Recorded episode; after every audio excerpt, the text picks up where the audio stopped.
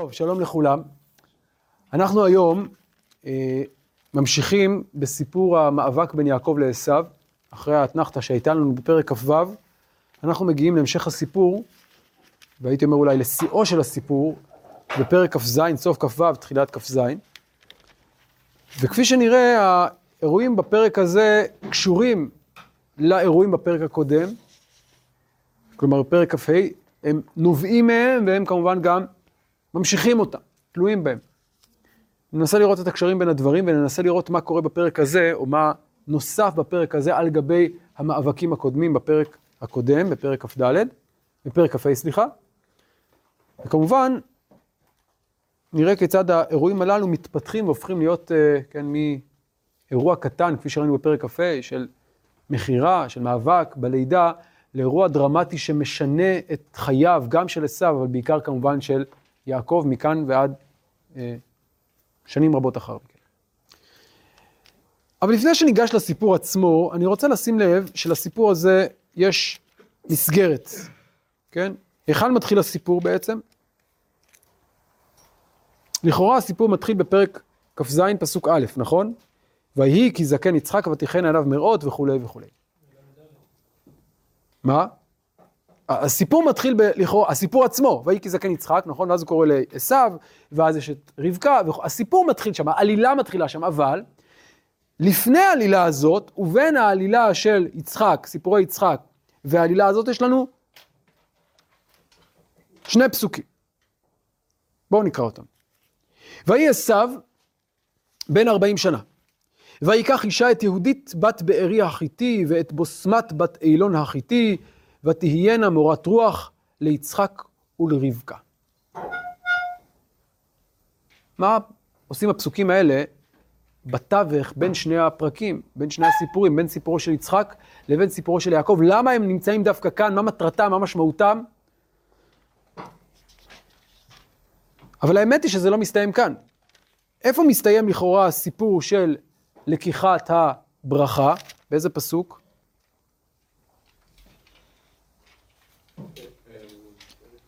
פרק כ"ז, פרק כ"ח, ואיפה זה מסתיים? לכאורה פסוק ט', פסוק י' זה כבר ויצא יעקב, אבל האמת היא שקצת לפני, שימו לב.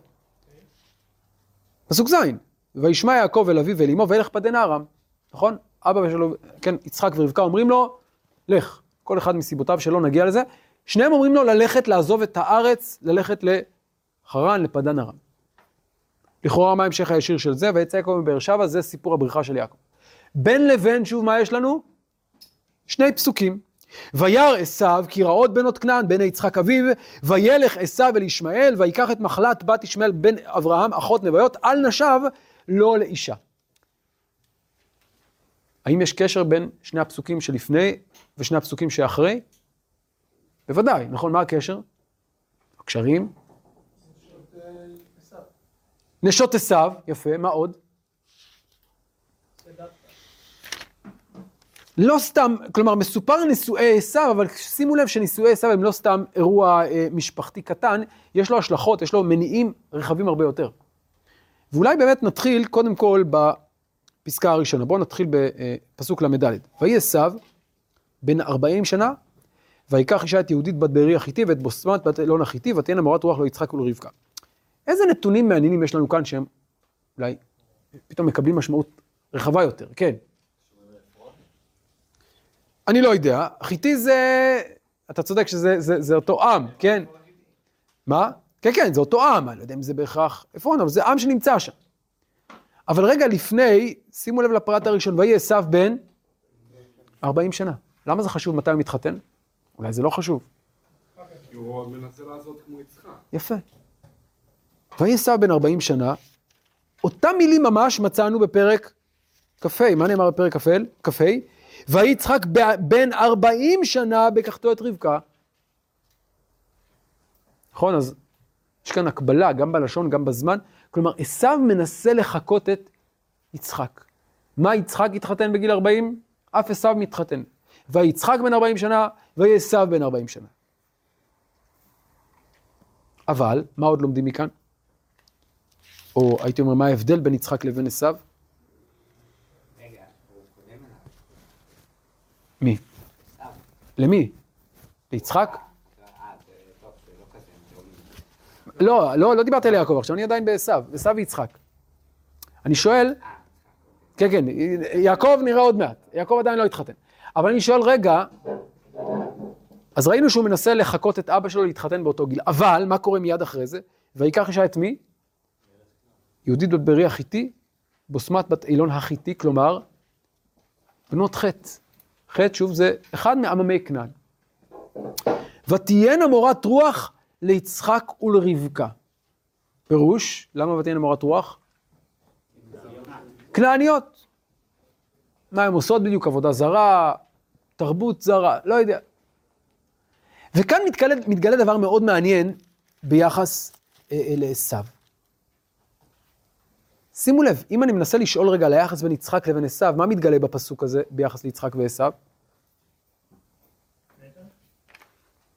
מצד אחד, כן, אולי נקרא רגע את המדרש. מצד אחד, יצחק ועשו לכאורה דומים, שניהם מתחתנים בגיל 40. אבל מצד שני, מה?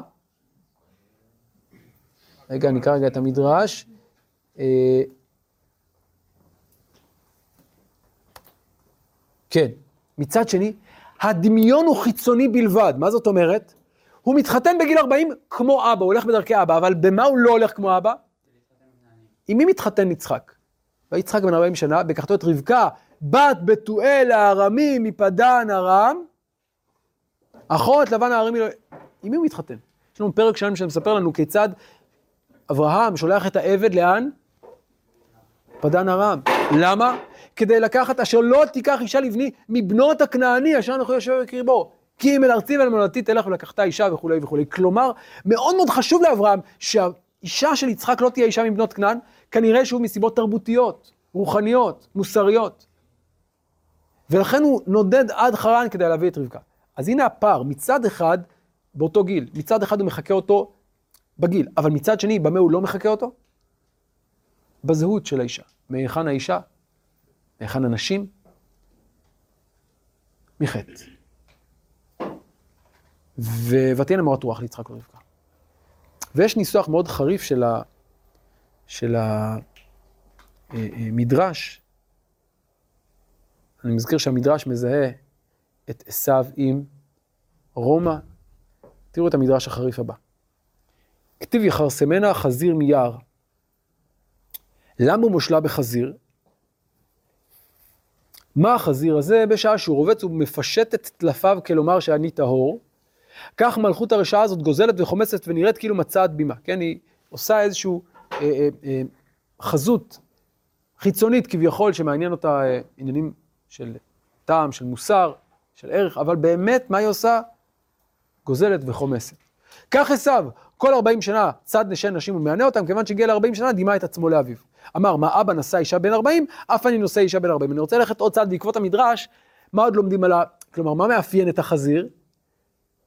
שיש לו סימן חיצוני כשר, וסימן פנימי, אה, סליחה, כן, סימן ח, אה, אה, חיצוני כשר, סימן פנימי לא כשר.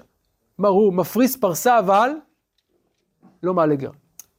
למה זה דימוי מצוין לעשו כאן? כי כלפי חוץ הוא הולך אחרי אבא, בעניין הזה של באיזה גיל להתחתן. אבל במהות של עם מי אתה מתחתן, מה זהות האישה, מה התרבות שממנה היא מגיעה, בזה הוא לא הולך אחרי אבא. אז זו נקודה מאוד חשובה כפתיחה, ומה לדעתכם המשמעות של הפתיחה הזאת במעבר בין פרק כ"ו לבין פרק כ"ז, בין סיפורו של יצחק לבין סיפור לקיחת הברכות? בסוף כתוב שזה רק רע בעיני יצחק. לא, גם יצחק וגם רבקה. עשיו.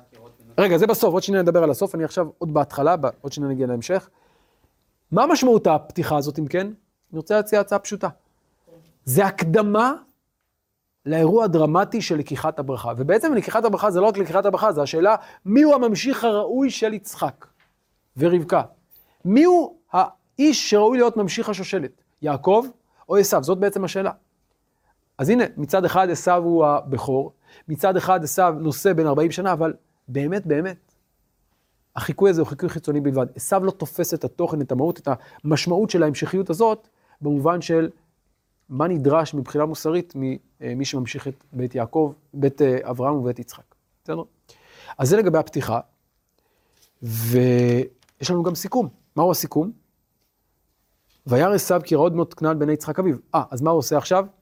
הוא מבין שזה היה לא טוב, אז מה הוא עושה? וילך עשיו אל ישמעאל, ויקח את מחלת בת ישמעאל בן אברהם באחות נבואות, אל נשב לו לאישה. אז מה הוא עושה? מוסיף. אז קודם כל, עד כמה זה פותר את הבעיה אני לא יודע, כי הוא מוסיף אישה ולא, כן, הם עדיין שם. שנית, זה מאוד מעניין, את מי הוא לוקח?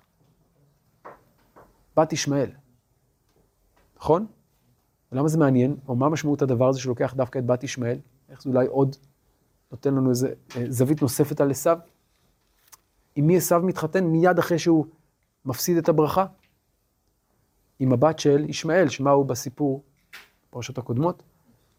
הוא זה שגם הפסיד, אפשר לומר, ל, אה, כלומר, נדחה, אפשר לומר, מהבכורה או מה, מה, מהשושלת אה, של בית אברהם. אז אפשר לומר שהמסגרת הזאת נותנת לנו את ההקשר שבו פועל עשיו מצד אחד ויעקב מצד שני, בתוך שאלת ההמשכיות, הרציפות, מי ימשיך, מי היורש של השושלת. ועכשיו אנחנו מגיעים אל הסיפור עצמו, כאמור זה סיפור ארוך, מורכב, סוער. והיום אני רוצה להתחיל בחלק הראשון של הסיפור. והחלק הראשון הוא המפגש של יעקב, ו... או של, סליחה, של יצחק ועשו, כפי שנראה, ושל יעקב ורבקה. בואו נתחיל. פרק כ"ז, פסוק א'. ויהי כי זקן יצחק, ותיכנה עיניו מראות, מראות. ויקרא את עשיו בנו הגדול, ויאמר אליו בני, ויאמר אליו, הנני. ויאמר, הננה זקנתי לא ידעתי יום מותי. ועתה שנח אליך תלייך וקשתך, וצא השדה, וצודה לי ציד, ועשה לי מטעמים כאשר אהבתי, והביאה לי ואוכלה, בעבור תברכך, תברכך נפשי בטרם אמות. ורבקה שומעת בדבר יצחק אל עשיו בנו, וילך עשיו השדה לצוד ציד להביא. ורבקה אמרה אל יעקב בנה לאמור, הנה שמעתי את אביך מדבר אל עשיו אחיך לאמור, הביאה לי ציד, ועשה לי מטעמים, ואוכלה, ואברכך לפני אדוני לפני מותי, ואתה אבני, שמע בקולי לאשר אני מצווה אותך. לך נא אל הצאן, וקח לי משם שני גדיי עזים טובים, ועשה אותם מטעמים לאביך, כאשר אהב, והבאת לאביך ואכל, בעבור אשר יברכך לפני מותו. ויאמר יעקב אל רבקה אמו, הן עשו אחי איש שעיר ואנוכי איש חלק, אולי ימושני אבי, והייתי בעיניו כמתעתע, והבאתי עלי קללה ולא ברכה, ותאמר לו אמו עלי קללתך בני, אך שמע בקולי, ולך קח לי. אני יוצא רגע כאן. הסיפור פותח, אם כן, בשני מפגשים מקבילים, מחד יצחק ועשו, ומאידך יעקב ורבקה, רבקה ויעקב. ואני רוצה היום קצת להעמיק במפגשים הללו, קודם, קודם כל, כל אחד בפני עצמו, לאחר מכן באמת לבחון את היחסים ביניהם. הסיפור פותח קודם כל בפרט חשוב מאוד, ויהי כי זקן יצחק, ותיכנה עיניו מאוד. נקודת המוצא לסיפור, מהי? קודם כל, הזמן עובר, זקן יצחק, למה חשוב לספר שיצחק זקן?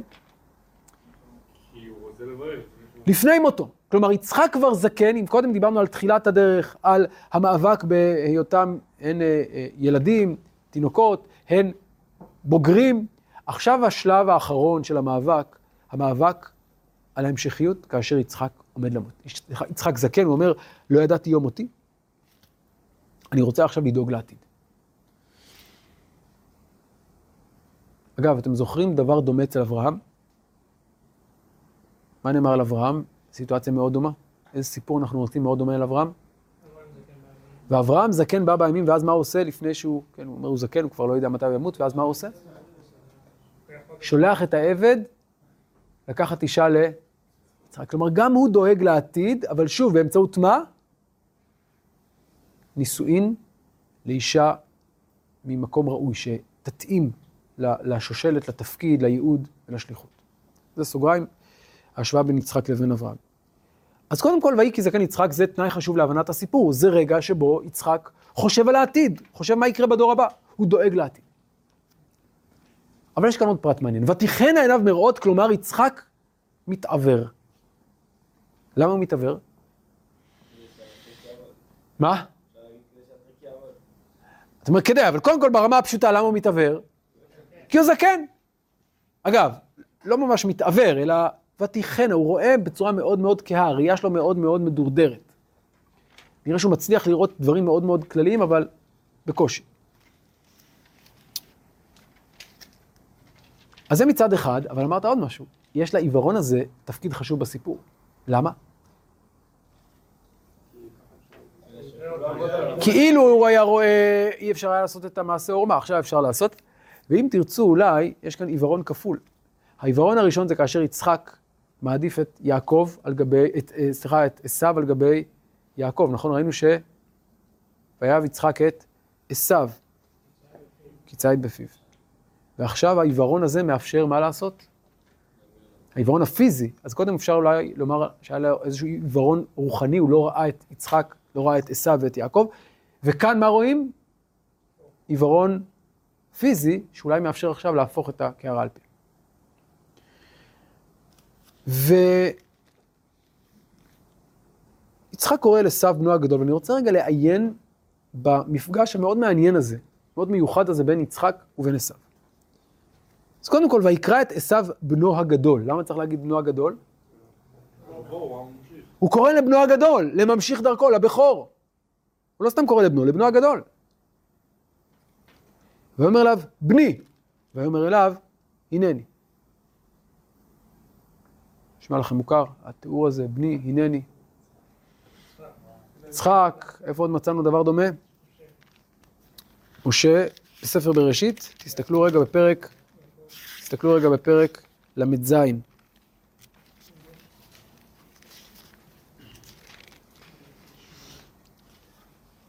ל"ז פסוק י"ב, וילכו אחיו לראות את צאן אביהם בשכם, ויאמר ישראל ליוסף הלא אחיך רואים בשכם לך ואשלחך אליהם, ויאמר לו, הנני. כלומר, זה ביטוי של התמסרות של בן לאביו. אגב, אם ניקח רגע את הסיפור, גם בעקדה וגם בסיפור של יוסף, בעצם האבא שולח את הבן שלו לאן? אל מותו, לכאורה. כמעט. גם כאן, ההנני הזה עוד מעט נראה, לכאורה מבטא את ההתמסרות העמוקה של עשיו ליצחק, אבל עוד מעט נראה שיש לזה מחיר.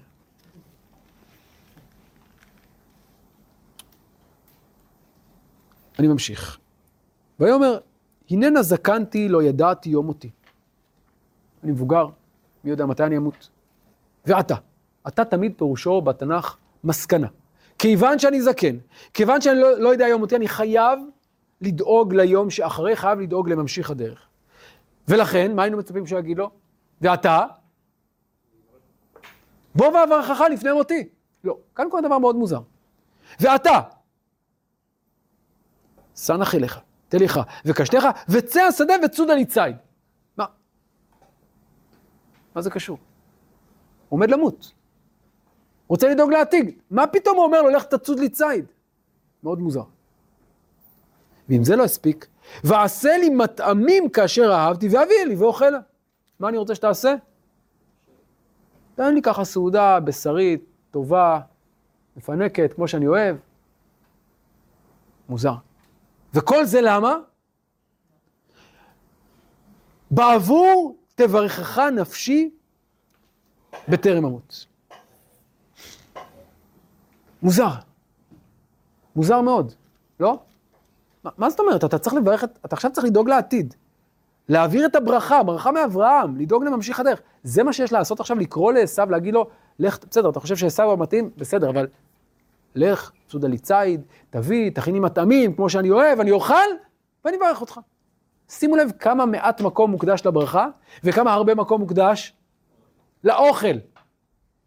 מוזר, נכון? מה קורה פה? כתוב בעבור תברכך נפשי. כאילו, למה לא כתוב בעבור אני אברך אותך? מצוין, הערה טובה, נדבר עליה עוד מעט. מה קורה פה? מה זה החוסר פרופורציה הזה? מה זה ההתעסקות לכאורה בטפל, במטעמים, בבשר, כן? לא נעים, נכון? יש כאן משהו קצת, קצת אה, לא נוח בתיאור הזה. זה מה שמעניין את יצחק עכשיו? כן, אולי הוא לא יכול לברך. אם הוא- הוא לא יכול לברך אם הוא לא היה מה, מה עוד פעם? אתה אומר, צריך לברך על בטן מלאה. בסדר, אז ת- ת- תיקח סנדוויץ' תאכל, וכאילו מה, בשביל זה, לך לשדה, תביא לי ציד ואת גם ניסיון. לעשו. מה הניסיון? אם הוא יודע לצוד ציד, אם הוא יודע להכין... מה, זה מאסטר שף, הוא עושה לו בחינה. מה הניסיון? אבל מה, הניסיון זה, אם אתה יודע לבשל טוב, זה אומר שאתה ראוי להיות ממשיך הדרך? לא, איך אתה? או, אז שימו לב, יפה, שכבר כאן מהדהד לנו הסיפור הראשון בפרק כ"ה. ויאהב יצחק את עשיו כי ציד בפיו. והנה מה אומר לו כאן? צודה לי ציד ועשה להם יתמים כאשר אהבתי. ציד בפיו, ואוכלה. אז קודם כל רואים שיש קשר בין הדברים, נכון? יותר מזה, לא רק שעשיו הוא צד ציד, אגב, ויהיה עשיו איש יודע ציד, איש שדה, עוד מעט נדבר על איש שדה, ו... אז הוא איש ציד, וכיוון שהוא צד ומביא לאבא שלו, אז אבא שלו אוהב אותו, אז עכשיו הוא אומר לו, בוא תצוד לי ציד. אז קודם כל יש קשר בין הדברים. אני רוצה לחדד את הקשר בין הדברים. מה עוד נאמר על עשיו? לא רק שהוא איש ציד, אלא שהוא גם איש שדה. האם השדה מופיע כאן? כן, איפה? צא השדה וצודה לי ציד. אתה איש יודע ציד, איש שדה, תשתמש הן בכישוריך כאיש ציד, איש שדה, איש שיודע ציד, לך תביא לי. וכאן אני רוצה ללכת עוד צעד אחד קדימה. אתם זוכרים שדיברנו בזמנו על כך שפרק כ"ו חוצץ בין שני הסיפורים על, יצחק, על יעקב ועשיו, ופתאום מדבר על יצחק? אבל יש כאן דבר מעניין, למדנו הרבה דברים על יצחק. למדנו על זה שיצחק בעיקר, מה המאפיין הבולט שלו בהשוואה לאברהם למשל? איש הארץ. או במילים אחרות, איש שדה. ובאמת המילה שדה מופיעה גם אצל יצחק. איפה מצאנו את המילה שדה אצל יצחק? מה? אז קודם כל כבר אז ראינו, ויצא יצחק לסוח בשדה, נכון? אז יצחק הוא איש שדה. וכפי שראינו בפרק הזה, יצחק הוא באמת איש שחייב, כן, הוא, הוא מחובר לקרקע, מחובר לשדה בצורה עמוקה. כלומר, החיבור בין יצחק לבין עשיו הוא חיבור יותר עמוק ממה שנדמה. עד עכשיו פירשנו את זה כחיבור שמבוסס על אינטרסים, כן? הוא מביא לו אוכל אז הוא אוהב אותו. אהבה תלויה בדבר. אני היום רוצה לדבר ברשותכם בש... בשבחו של עשיו קצת, טוב? זה לא כמו שזה נראה, עשיו, איש יודע ציד איש שדה, והוא עובד על אבא שלו, והוא ככה, אה, הייתי אומר, מפתה אותו בא, בא, באוכל, ו- וקונה את ליבו, ומשחד אותו באוכל ובציד, לא. יצחק לא כזה. וזה לא שיצחק הוא איזה איש ראוותן שרוצה בשר ולכן הוא אוהב את עשיו, לא, זה לא עובד ככה. קודם כל יש ביניהם קשר עמוק. שניהם קשורים לשדה, שניהם קשורים לארץ, שניהם יש זיקה עמוקה למקום. במובן הזה יש איזושהי, איזשהו דמיון בסיסי ביניהם, ראשוני, עמוק. ו... וכשכתוב, וכאן אני חוזר לפסוק, שוב בפרק הקודם, פרק כ"ה, ויאהב יצחק את עשיו כי ציד בפיו, אפשר לפרש את זה בצורה שלילית, להגיד, כן, הוא אוהב אותו, אהבה תלויה בדבר, אבל אפשר להגיד, מה פירוש כי ציד בפיו? מה עושה עשיו? מה? טבח טוב, אבל הוא גם בן טוב. וזו דוגמה טובה, מה זה ציד בפיו? הנה, תראו דוגמה. יצחק רעב, מה עושה עשיו? לא סתם, יוצא השדה, צד לו ציד, מביא, עושה מטעמים, ואיזה מטעמים? כאשר אהבתי. אגב, שימו לב, איזה עוד מילה חוזרת כאן שראינו בפרק כ"ה? אהבה. אז כאן כמובן מדובר על אהבה של אוכל. אבל לא צריך לספר לכם שהרבה פעמים בבית, אהבה של אוכל ואהבה של הורים לילדים מתחברים, נכון? כשחושבים על בית, מה, מה תמיד אנחנו, מה, איזה, איזה זיכרונות עולים, בטח כשרעבים, בטח כשרחוקים מהבית, מה מזכיר את הבית הרבה פעמים? אוכל חם בדרך כלל, נכון? כן, סיר מרק, האוכל האהוב שאימא מכינה כשחוזרים מהצבא או מהישיבה, לא משנה, כן? זה, עכשיו, אי אפשר להפריד את הדברים, נכון? אה, זה אהבה תלויה בדבר, כי אימא מכינה לך אז אתה אוהב, ואימא... לא, ברור שלא. ברור שהכנת האוכל היא ביטוי של אהבה של ההורים לילדים. מטעמים כאשר אהבת, כן? וההשקעה באוכל, והדיוק באוכל, ותשומת הלב, ולהכין את המטעמים שהוא אוהב, זה חלק מהביטוי, ככה, ככה בית נורמלי, מתפקד, נכון? זה לא איזה משהו אה, זר. אני חושב שמשהו כזה קורה כאן. כלומר, עשו הוא איש שדה. אז יש ביניהם דמיון בסיסי, כמו יצחק, אבל עשו גם מבין את, יעקב, את, את יצחק. הוא גם רגיש ליצחק. הוא יודע מה הוא אוהב, הוא מכין לו. הוא בן מסור. ויאהב יצחק את עשו כציד בפיו, זה לא שהוא אוהב אותו כי הוא מפתה אותו באוכל, הוא קונה את ליבו באוכל, אלא כי עשו דואג לאבא שלו. אגב, מה יעקב עושה? יעקב מבשל מרק, נכון? מה יצחק, מה עשו עושה? ציד, בשר, כן, זה, זה משהו, זה המומחיות שלו, לאבא, מטעמים. כן. נכון, כי זה בסוף, אתה משווה בשר לנזיד עדשים. וגם הוא היה מאוד מאוד רעב. אני חושב שהוא, אבל אתה רואה שהוא גם איש, הוא יודע להעריך אוכל, הוא יודע להכין מטעמים כאשר אהבת, כן, הוא יודע, יש לו את הרגישות הזאת. אבל אה, זה בדיוק ההבדל. הוא עכשיו חוזר מהציד, עד שאתה מכין, עד שאתה זה, אתה יודע כמה זמן לוקח להכין את הבשר, זה לוקח זמן, זה לא דבר שאתה מפה לשם, מרגע לרגע. טוב, אז אם ככה, אני מסכם ואומר, שהסיפור כאן הוא לא סיפור נמוך על אה, אה, פיתוי או על, על אה, אינטרסים, לא. זה סיפור על אב ובן, שיש ביניהם קשרים עמוקים, והקשר הזה מתבטא בין השאר במאכלים הטעימים, שכנראה הוא מכין לו תמיד, מאז ומעולם, איך אני יודע? שוב, כי ציד בפיו, אבל גם נאמר אצלנו, מה נאמר אצלנו? כאשר אהבתי. אתה יודע מה אני אוהב, אתה מכיר את הבשר האהוב עליי, נכון? אתה יודע איך אני אוהב את הסטייק שלי, נכון? אתה תמיד מכין לי בדיוק כמו שאני אוהב. תעשה לי ככה. עכשיו, זה לא איזה עניין של, כן, אני מאוד רעב, אני רוצה סטייק טעים, כן? זה לא, "הלי- תן לי נא מן האדום האדום הזה. מה הוא אומר לו? ואביה לי ואוכלה, בעבור תברכך נפשי בטרם אמות. עכשיו אפשר להבין את הפסוק הזה יותר טוב, נכון? מה הוא מתכוון, יצחק, שאומר את זה? איך אתם מבינים את זה, בעבור תברכך נפשי בטרם אמות? אז אולי אני אוסיף דבר, שאלת מה זה נפשי. נפש בתנ"ך, בדרך כלל, מה פירושה? נפש זה הצד האנושי המתאווה, שזה לא, לא במובן השלילי, כן? אה, מים קרים על נפש עייפה, כן? צמאה לך נפשי. או, בכיוון אחר, תענו את נפשותיכם. מה זה תענו את נפשותיכם? את מה אתה מענה ביום כיפור? את החלק בך שרוצה לאכול, כן? את הצד הזה, את הנפש. הנפש, דהיינו, החלק החיוני, הכי- ש- ש- שאוכל וששותה, שזקוק להם, זה הצד ב- ב- ב- ב- ב- באדם שאתה מענה ביום כיפור. אז לאור זה, מה זה תברכך נפשי?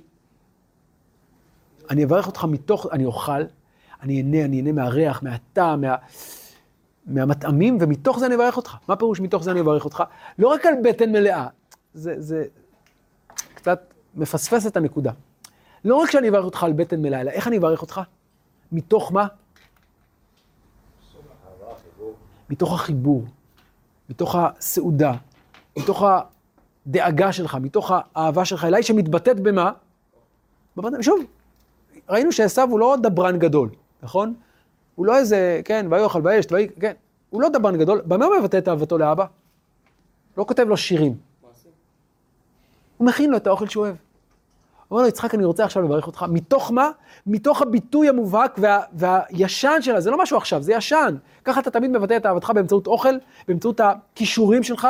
כן, עכשיו תחשבו מכיוון אחר, זה קצת כמו ילד קטן, שמביא להורים שלו, אה, אה, כן, הוא יודע לצייר, אז הוא מביא לאבא ציור שהוא הכין בגן, כן. עכשיו, זה לא איזה ציור מי יודע מה, אבל זה, זה הכישרון של הילד, בזה הוא השקיע את, את, את מה המצב. אז זה מרגש את האבא, לאו דווקא בגלל התוכן, אלא גם בגלל, או בעיקר בגלל, שזה הכישורים של הילד. והוא מביא מנחה לאבא, כאילו, את הכישורים שלו. אותו דבר כאן. הוא איש שדה, שדה, הוא איש יודע ציד, הוא הולך לשדה, מפעיל את כל הכישורים שלו, בשביל מה? לשמח את אבא. אומר יצחק, אני רוצה שתעשה את זה. כדי שמתוך האהבה הזאת, מתוך ההתקרבות הזאת, מתוך השמחה הזאת, מתוך ההתמסרות הזאת, אני אוכל לברך אותך. נפשי תברך אותך. מתוך קרבה עמוקה, מתוך אהבה. מתוך המאכל, מתוך המטעמים. אז זה משהו אחר לגמרי ממה שחשבנו, נכון? זה סוג אחר של, של מפגש, של, של אהבה. כן. למה, למה מה שחשוב זה אהבה בין ילד לאבא? הרי כשאנחנו מדברים על אהבות, אנחנו חושבים על אבות האומה שקרובים לקדוש ברוך הוא. כן. להם זה, זה הקשר לקדוש ברוך הוא, הדברים היותר עליונים מאשר אה, סתם אהבה בין אבא לבן. כאילו- קודם כל, אני לא חושב שאהבה זה סתם אהבה, אהבה בין אבא לבן זה דבר מאוד מאוד מרכזי. מאוד מאוד, לפעמים זה נמצא במתח. לא בהכרח. כלומר, ברור שיש כאן עוד רבדים, אבל קודם כל זה לא במקום. האמירה שלך היא נכונה, אני רוצה רק לחדד אותה. כשמדברים על דברים עליונים, הסכנה היא, אני חושב, שהדברים העליונים יהיו במקום, כן? כשבפרשת העקדה, כשאברהם אומר הנני, אז לכאורה מה הוא אומר? מה חשוב לי בחיים? צו השם, כל הכבוד לבן שלי. אבל זה לא עובד ככה. אם זה היה ככה, זה היה נורא ואיום. הוא אומר הנני גם לקדוש ברוך הוא, אבל הוא אומר הנני גם למי? ליצחק. אבי, הנני בני. אותה מילה, הנני, אומר גם לקדוש ברוך הוא וגם ליצחק. הנני, כן בן, מה אתה רוצה? אני אוהב אותך. מנחה יחידך שירבת. עכשיו, זה לא בא במקום, כי אם זה היה במקום, היינו אומרים שאנחנו מעקרים כאן את היסודות האנושיים. לא. מה שבעיניי, מה שיפה ומופלא אצל האבות, שיש כאן חיים בשני רבדים, שהם לא סותרים, יש ביניהם לפעמים מתח, אבל הם גם מזינים אחד את השני. האהבה של אב לבן, האהבה הטבעית הפשוטה של אב לבן, היא לא סותרת דברים גבוהים יותר. להפך, היא, היא, היא, היא, הדברים נובעים זה מזה. ואם אדם מעקר מתוכו את האהבה הבסיסית, הטבעית של הורים לילדים, של איש לאישה, כן, גם כשיעקב אוהב את רחל, נראה את זה בהמשך. אז הוא אוהב אותה, קודם כל אהבת גבר לאישה. הוא מנשק אותה. יש כאן אהבה אמיתית, עמוקה. אבל ברור שיש לה גם רבדים נוספים. אבל זה לא במקום שהוא אוהב אותה כי רחל מייצגת משהו כזה, לא. זה אהבה אנושית עמוקה, שיש לה עוד רבדים. אותו דבר כאן, אהבת אב ובן היא קודם כל אהבה של אב ובן. אהבה שבאה לידי ביטוי, מה לעשות גם ב... וזה לא דבר רע, גם באוכל. בזה בני אדם מבטאים את אהבתם, זה חלק, לא הכל. אם זה נשאר רק שם, אוי ואבוי, אבל ברור שזה חלק מזה. למה הברכה תהיה טובה יותר אם האבא אוהב את? כאילו, אני מבין שזה משהו עמוק וצריך להשאיר אותו, אבל למה בברכה? למה זה לעניין הברכה? אז אני אומר, כי הברכה זה הרעיון של העברת המורשת מדור לדור. אז אני אומר, אני רוצה לעשות את זה מתוך שמחה של אהבה, מתוך השקעה, מתוך מסירות שלך אליי, מתוך זה שאתה מבטא את אהבתך אליי בהכנת המטעמים.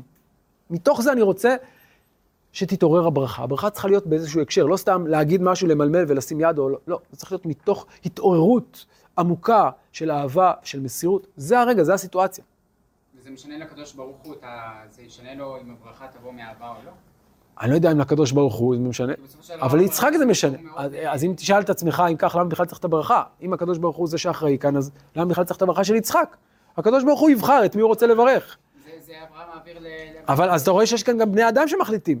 אבל אתה צודק שיש כאן מתח בין היסוד הזה האנושי, במובן העמוק, לא במובן השלילי, לבין משהו גבוה יותר, לבין השאלה של מי ימשיך את המסורת, את המורשת, את הייעוד והשליחות המוסריים, ואולי במקרה הזה עשיו, עם כל האהבה שלו לאבא, לא מתאים, וזה עוד מעט נראה. אוקיי, עד כאן מפגש ראשון, בסדר? אני מקווה שעשינו קצת חסד עם עשיו, אחרי כל השחרת הפנים. יש כאן משהו עמוק, אבל, וכאן מגיע הצד השני. ורבקה שומעת בדבר יצחק אל עשיו בנו. כאן אנחנו עוברים לצד השני. במקביל ליצחק שאוהב את עשיו כי ציד בפיו, רבקה אוהבת את יעקב. והנה עכשיו הסיפור הזה ממשיך הלאה, כמו שיצחק אוהב את עשיו כי ציד בפיו, והוא אומר לו, לך תביא לי ציד ומטעמים, רבקה שומעת, ושימו לב מה היא שומעת, בדבר יצחק אל עשיו בנו. מה חסר כאן? איזה עוד מילה הייתה מקודם? הגדול. ויקרא את עשיו בנו הגדול מנקודת המבט של יצחק, למי הוא קורא? לבן הגדול, הבן שצריך לרשת אותו. מהו הרבקה? בנו. בסדר, גדול, לא, בנו. אבל יש בן אחר, הוא זה שצריך לרשת. לא בנו הזה, בנו אחר. בואו נמשיך. מה? או, רגע. וילך עשיו השדה לצוד ציד לאביו, ורבקה אמרה אל יעקב, בנה. יצחק קרא לבנו, בנו הגדול, בנו המיוחד, לא, ורבקה אמרה אל יעקב בנה. אז הנה עכשיו סיפור מקביל, יצחק מצד אחד, רבקה מצד שני. יש רק בעיה אחת, מה הבעיה? שמי מעביר את הברכה? יצחק. מה תעשה רבקה? וכאן בעצם רבקה נמצאת בבעיה. היא רוצה שיעקב יקבל את הברכה, אבל היא לא יכולה, כי היא לא נותנת את הברכה. אני רוצה לשים לב עכשיו למעשה של רבקה בדברים שלה ל- ליעקב, ולאור מה שראינו עכשיו, אפשר אולי לחדד ולהדגיש את הייחוד בדברי רבקה ליעקב. בואו נקרא. ורבקה אמרה אל יעקב בנה לאמור, הנה שמעתי את אביך מדבר אל עשיו אחיך לאמור. הביאה לי ציד, ועשה לי מטעמים, ואוכלה ואברכך לפני אדוני לפני מותי. אז מה עושה רבקה לכאורה? אה, ליעקב, מה היא עושה? מדליפה לו. מאחורי הקלעים, מה קרה? ויש לנו כלל קבוע בתנ"ך, בתורה, בדרך כלל, כשחוזרים על משהו פעמיים, צריך לבדוק למה חוזרים. וצריך להשוות בין שתי התיאורים. לכאורה היה אפשר להגיד כאן מה?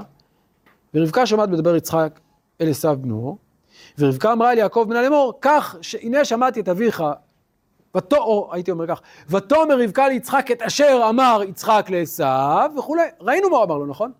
אבל מה עושה התורה? לא, מה היא אומרת לנו? הנה שמעתי את אביך מדבר, לאמור, מה אומר יצחק? כך וכך, רגע, אבל ראינו לפני שנייה מה יצחק אמר. למה רבקה צריכה לחזור ולהגיד לנו? אז היא אומרת את זה ל- ליעקב, בסדר, אבל היה אפשר להגיד, היא אמרה לו את מה שאמר יצחק, זהו, לא צריך להגיד מה היא אמרה בפועל, אם זה אותו דבר. אלא אם כן מה? זה לא אותו דבר. ובאמת, זה לא אותו דבר. בואו נשווה רגע את שני התיאורים. בואו, תרגיל קטן, קחו שתי דקות בחברותות.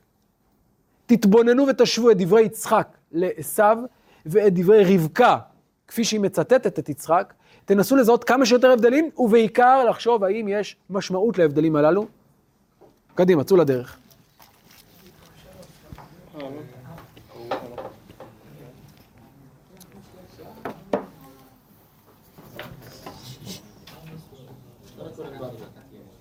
المشرق ولا يكون من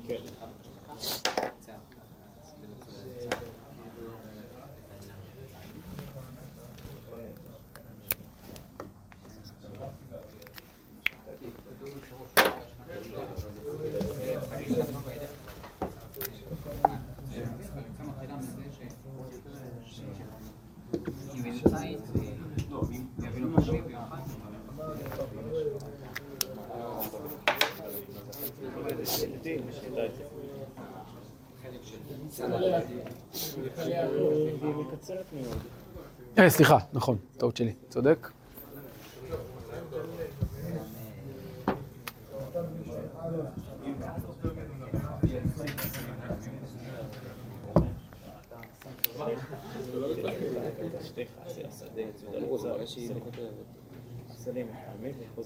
החמים כאשר אהבתי.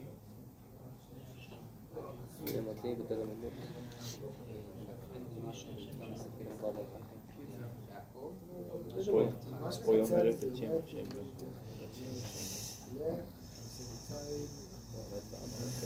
השם. כן, זה נפשי וזה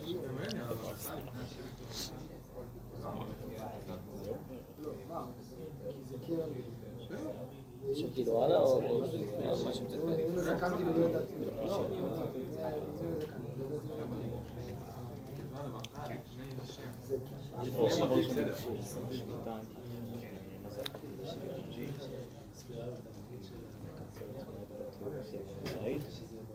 והיא גם מזכירה את שם השם.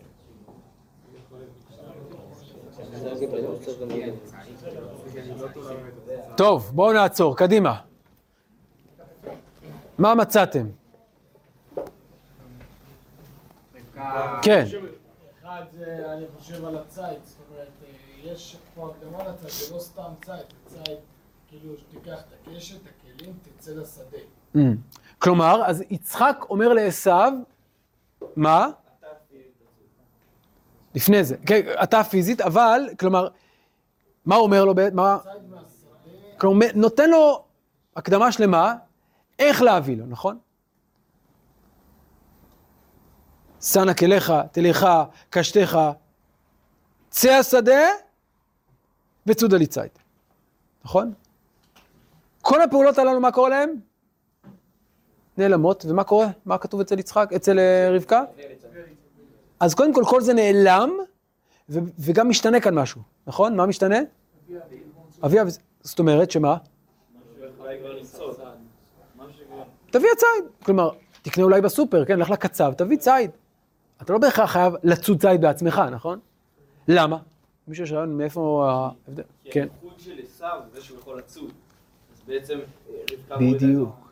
כשיצחק אומר לעשו, ועכשיו לאור מה שאמרנו זה מתחדד, כשיצחק אומר לעשו, לך, השדה, זה, הוא לא סתם אומר לו, נותן לו הנחיות מה לעשות. הוא בעצם, מה הוא אומר לו? אני רוצה שמה תעשה? תמצה את הכישרון שלך, את היכולות שלך, את האיכויות שלך. מה? ורק אתה תעשה את זה, זה משהו שרק אתה יכול לעשות. עבורי. זה מה שאני רוצה ממך. כדי שאני אברך אותך. מה עושה רבקה לכל זה? מעלים, כי אומרת ליעקב, בעצם מה, יעשב, מה יצחק רצה, סך הכל? רצה לאכול, רצה ארוחת צהריים. אה, לא איזה, אכפת לי, תביא מפה, מי ש... לא. בעצם רבקה מעלימה את כל היסוד הזה המיוחד שיש בין עשיו ובין יצחק. אומרת, סך הכל הוא ביקש ציד. אכפת לי, תביא ציד, תביא, תלך לשדה, אה, תביא ציד, מה אכפת לי מאיפה? יפה, זה הבדל אחד, גדול ומשמעותי. כן, מה עוד? אה, יצחק אה, אומר להביא לו מטעמים כאשר אהבתי, או, ורבקה רק אומרת, אה, ועשה לי מטעמים ואוכלה. וכאן, ועשה לי מטעמים כאשר אהבתי. או, למה נעלם כאשר אהבתי? הוא לא- לא יודע מה זה כאשר אהבתי, הוא לא- לא רגיל להביא לו. יעקב. יעקב לא רגיל להביא לו. כן, אבל, אבל בואו נחדד רגע את הנקודה. בדיוק. מבחינת רבקה, מבחינת, מבחינת יצחק, אני רוצה שתביא לי, אתה יודע, את, ה- את, ה- את, ה- את הסטייק שאתה, אתה יודע שאני אוהב, נכון? את ה... מה? בדיוק, האיכותי הזה, אתה יודע, איך שאני אוהב שזה קצת צרוף פה, אתה מכיר כבר, נכון? אנחנו כבר, לא, לא מאתמול אה, אתה מכין לי אוכל. כמו שאני אוהב, אתה יודע איך אני אוהב. תשקיע, תפנק אותי, ככה, כמו שאתה אוהב, כמו שאני אוהב, כמו שאתה יודע. ואמרנו שהמילה אהבתי כאן, לא במקרה מגיעה. המילה אהבתי מחזירה אותנו לאן? ויאהב יצחק את עשיו כי ציד בפיו, יש כאן קשר, כלומר, האהבה היא קשורה לא- לאוכל גם בין השאר. מה אומרת רבקה? ועשני מטעמים. אין כאשר אהבתי. אני רוצה רק לאכול, נקודה. אגב, מה עוד יודי כאן? איזה מילים? והביאה לי, כן? יש כאן את ה... תביא, תגיש לי, כן? זה הופך להיות משהו מאוד מאוד טכני. פשוט תביא לי מהסופר בשר, תכין לי ארוחת צהריים ונסגור עניין. כן. רגע, רגע, רגע, רגע, רגע, שנייה. רגע, רגע, נכון, שנייה, עוד שנייה נחזור לזה, רגע. עכשיו, עד פה דיברנו על מה היא מורידה. האם היא מוסיפה גם דברים? כן, מה? מוסיפה את שם השם, יברך עשו- יצחק אומר לעשו, ברור, בעבור תברכך נפשי בטרם אמות. מה אומרת רבקה? ואברכך לפני השם לפני מותי. מה ההבדל? צריך לחזור אולי למה שאמרת. אצל יצחק, מה הדגש בברכה? אהבה תברכך נפשי מתוך החיבור, מתוך הקשר בינינו, אני רוצה לברך אותך. מה אומרת רבקה? איזה ברכה זו? זו ברכה לפני השם. לפני מותי. מה זאת אומרת? נכון, זה הבדל, האמת שאני לא בטוח איך לפרש את זה, מה ההבדל בין בטרם אמות לבין לפני מותי. אני לא בטוח, כלומר, אם יש לכם רעיון אני אשמח לשמוע. לא ידעתי ימותי. נכון, לא, אז זה, זה ברור שהוא אומר כאן, אני כבר זקן, אני לא יודע מתי אני אמות, לכן אני רוצה לברך אותך לפני שאני אמות. אבל האם יש הבדל כשהוא אומר בטרם אמות, או אם הוא אומר לפני מותי? קצת מה? אולי שמע. שמא, ולפני? לפני אתה מכיר, אני, עומד, אני עכשיו, אני מתכונן למוות, רגע לפני המוות, אני רוצה, כן. הופך את זה אולי למשהו קצת יותר טקסי כזה. כאן הוא אומר, שמע, אני לא יודע, אני אומר, בוא, ליתר ביטחון, אולי בוא עכשיו, לפני שמי יודע מה יקרה, מתי אני אמות, אולי, יכול להיות. על כל פנים, אבל העיקר, וכאן אני רוצה, כן. לפני מותי זה, אומרת, בטרם אמות זה מי יודע מתי זה יקרה, ליתר ביטחון. כאן הוא אומר, אוטוטו, כלומר, אם לא עכשיו, זו הזדמנות האחרונה שלך. יפה. אני רוצה ללכת עוד צעד אחד בעקבות הדברים האלה, הנושא של לפני השם, לקרוא רגע את הרמב"ן. הרמב"ן אומר כך, הברכה לפני השם לפני מותי. אומר הרמב"ן דבר מאוד מעניין. לא נזכר בכל הפרשה לפני השם. רק במקום הזה. כי אמרה לו אמו, הברכה לפני השם תהיה ברוח הקודש, ואם יתברך בעשיו ואחיך תתקיים בו וזרעו לעולם, ואין לך עמידה לפניו. למה היא אומרת לו לפני השם? זה, זה עניין דרמטי, זה לא איזה ברכה שאבא נותן, מי יודע מה יקרה עוד מעט, הוא ימות, כן ימות, לא ימות, לא. זו הברכה לפני השם, זו הברכה שתכריע מי היורש? מי הממשיך ההיסטורי של עם ישראל? אתה או אחיך? לפני השם. וזה אולי, אגב, האם רבקה צודקת או לא?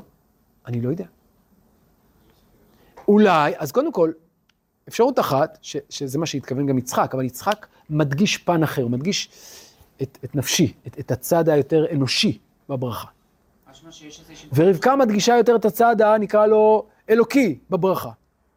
זה אולי חוזר למה שאתה אמרת. זה יכול להיות, אבל אפשר אולי ללכת בכיוון אחר, ועל זה נדבר בהמשך. שאולי רבקה לא כל כך מבינה את יצחק. אולי באמת יש כאן שתי ברכות, ברכה אחת שהיא ברכה שתברכך נפשי, וברכה שנייה היא ברכה של לפני השם. אני לא בטוח, אני רק מעלה בינתיים את האפשרויות האלה. יכול להיות שהיא לא סתם מנסחת את זה אחרת, היא חושבת שמדובר על משהו אחר, אבל אולי זה לא מה שהתכוון יצחק. אז יש כאן שתי אפשרויות להבין את זה, את הפער הזה, או שכל אחד מדגיש משהו אחר, או שבאמת מתכוונים למשהו אחר. כן, רצית להעיר עוד הערה? כאילו, יש אה, איזושהי ברכה מיוחדת לכאורה שבמכירה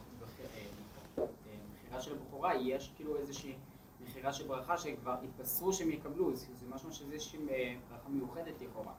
זה לא סתם ברכה שאבא נותן אה, לילד... לא, זה ברור שזו ברכה מיוחדת, אבל השאלה מה, האופי שלה. אם זו ברכה שיש בה ממד יותר של לא... ארצי נקרא לזה, בסדר? ממד ארצי יותר, ואולי הברכה השנייה היא ברכה, ברכה בעלת ממד יותר אלוקי, היסטורי, גבוה. יכול להיות. אני אומר, יכול להיות שזה הרמז כאן בפער בין מה שאומר יצחק לבין מה שאומרת רבקה. אפשרות, אבל יכול להיות שפשוט באמת יצחק יותר מדגיש את הצד הזה ורבקה את הצד השני. ואולי זה גם מה שמניע את רבקה, היא אומרת, רגע, אם הברכה הייתה סתם ברכה שאבא מברך, בסדר, אז, אז הוא רוצה לברך אותו בגלל שהוא אוהב את האוכל שלו, אבל רגע, מי מתאים אליו בסיפור הזה? מי זה שצריך להתברך לפני השם? יעקב. וזה גם רומזת לו, לא רק, אני חוזר למה שהרמב"ן אמר, לא רק היא אומרת לו, אם לא תעשה את זה עכשיו אתה תפסיד, מה היא אומרת לו? מי ראוי לברכה הזאת? אם זו ברכה שקשורה לאוכל, בעבור תברכה נפשי, אז זה עשו, בסדר, הוא יודע להכין מטעמים. אבל אם זו ברכה שקשורה ל... לפני השם, לייעוד, לשליחות, להמשך המסורת, המורשת, בית יעקב, שממשיך את בית יצחק, אז ברור שאתה זה שמתאים. ברור שהברכה הזאת מיועדת לך ולא לו.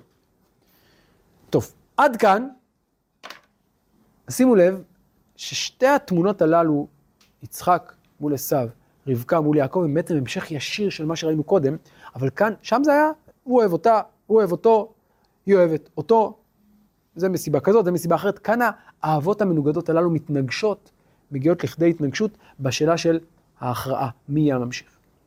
כפי שראינו, כל אחד כאן מציג גם פן אחר של המפגש הזה, יצחק מצד אחד, רבקה מצד אחר, כל אחד מציג את, ה, את, ה, את האירוע הזה במבט אחר או בהקשר אחר. כן.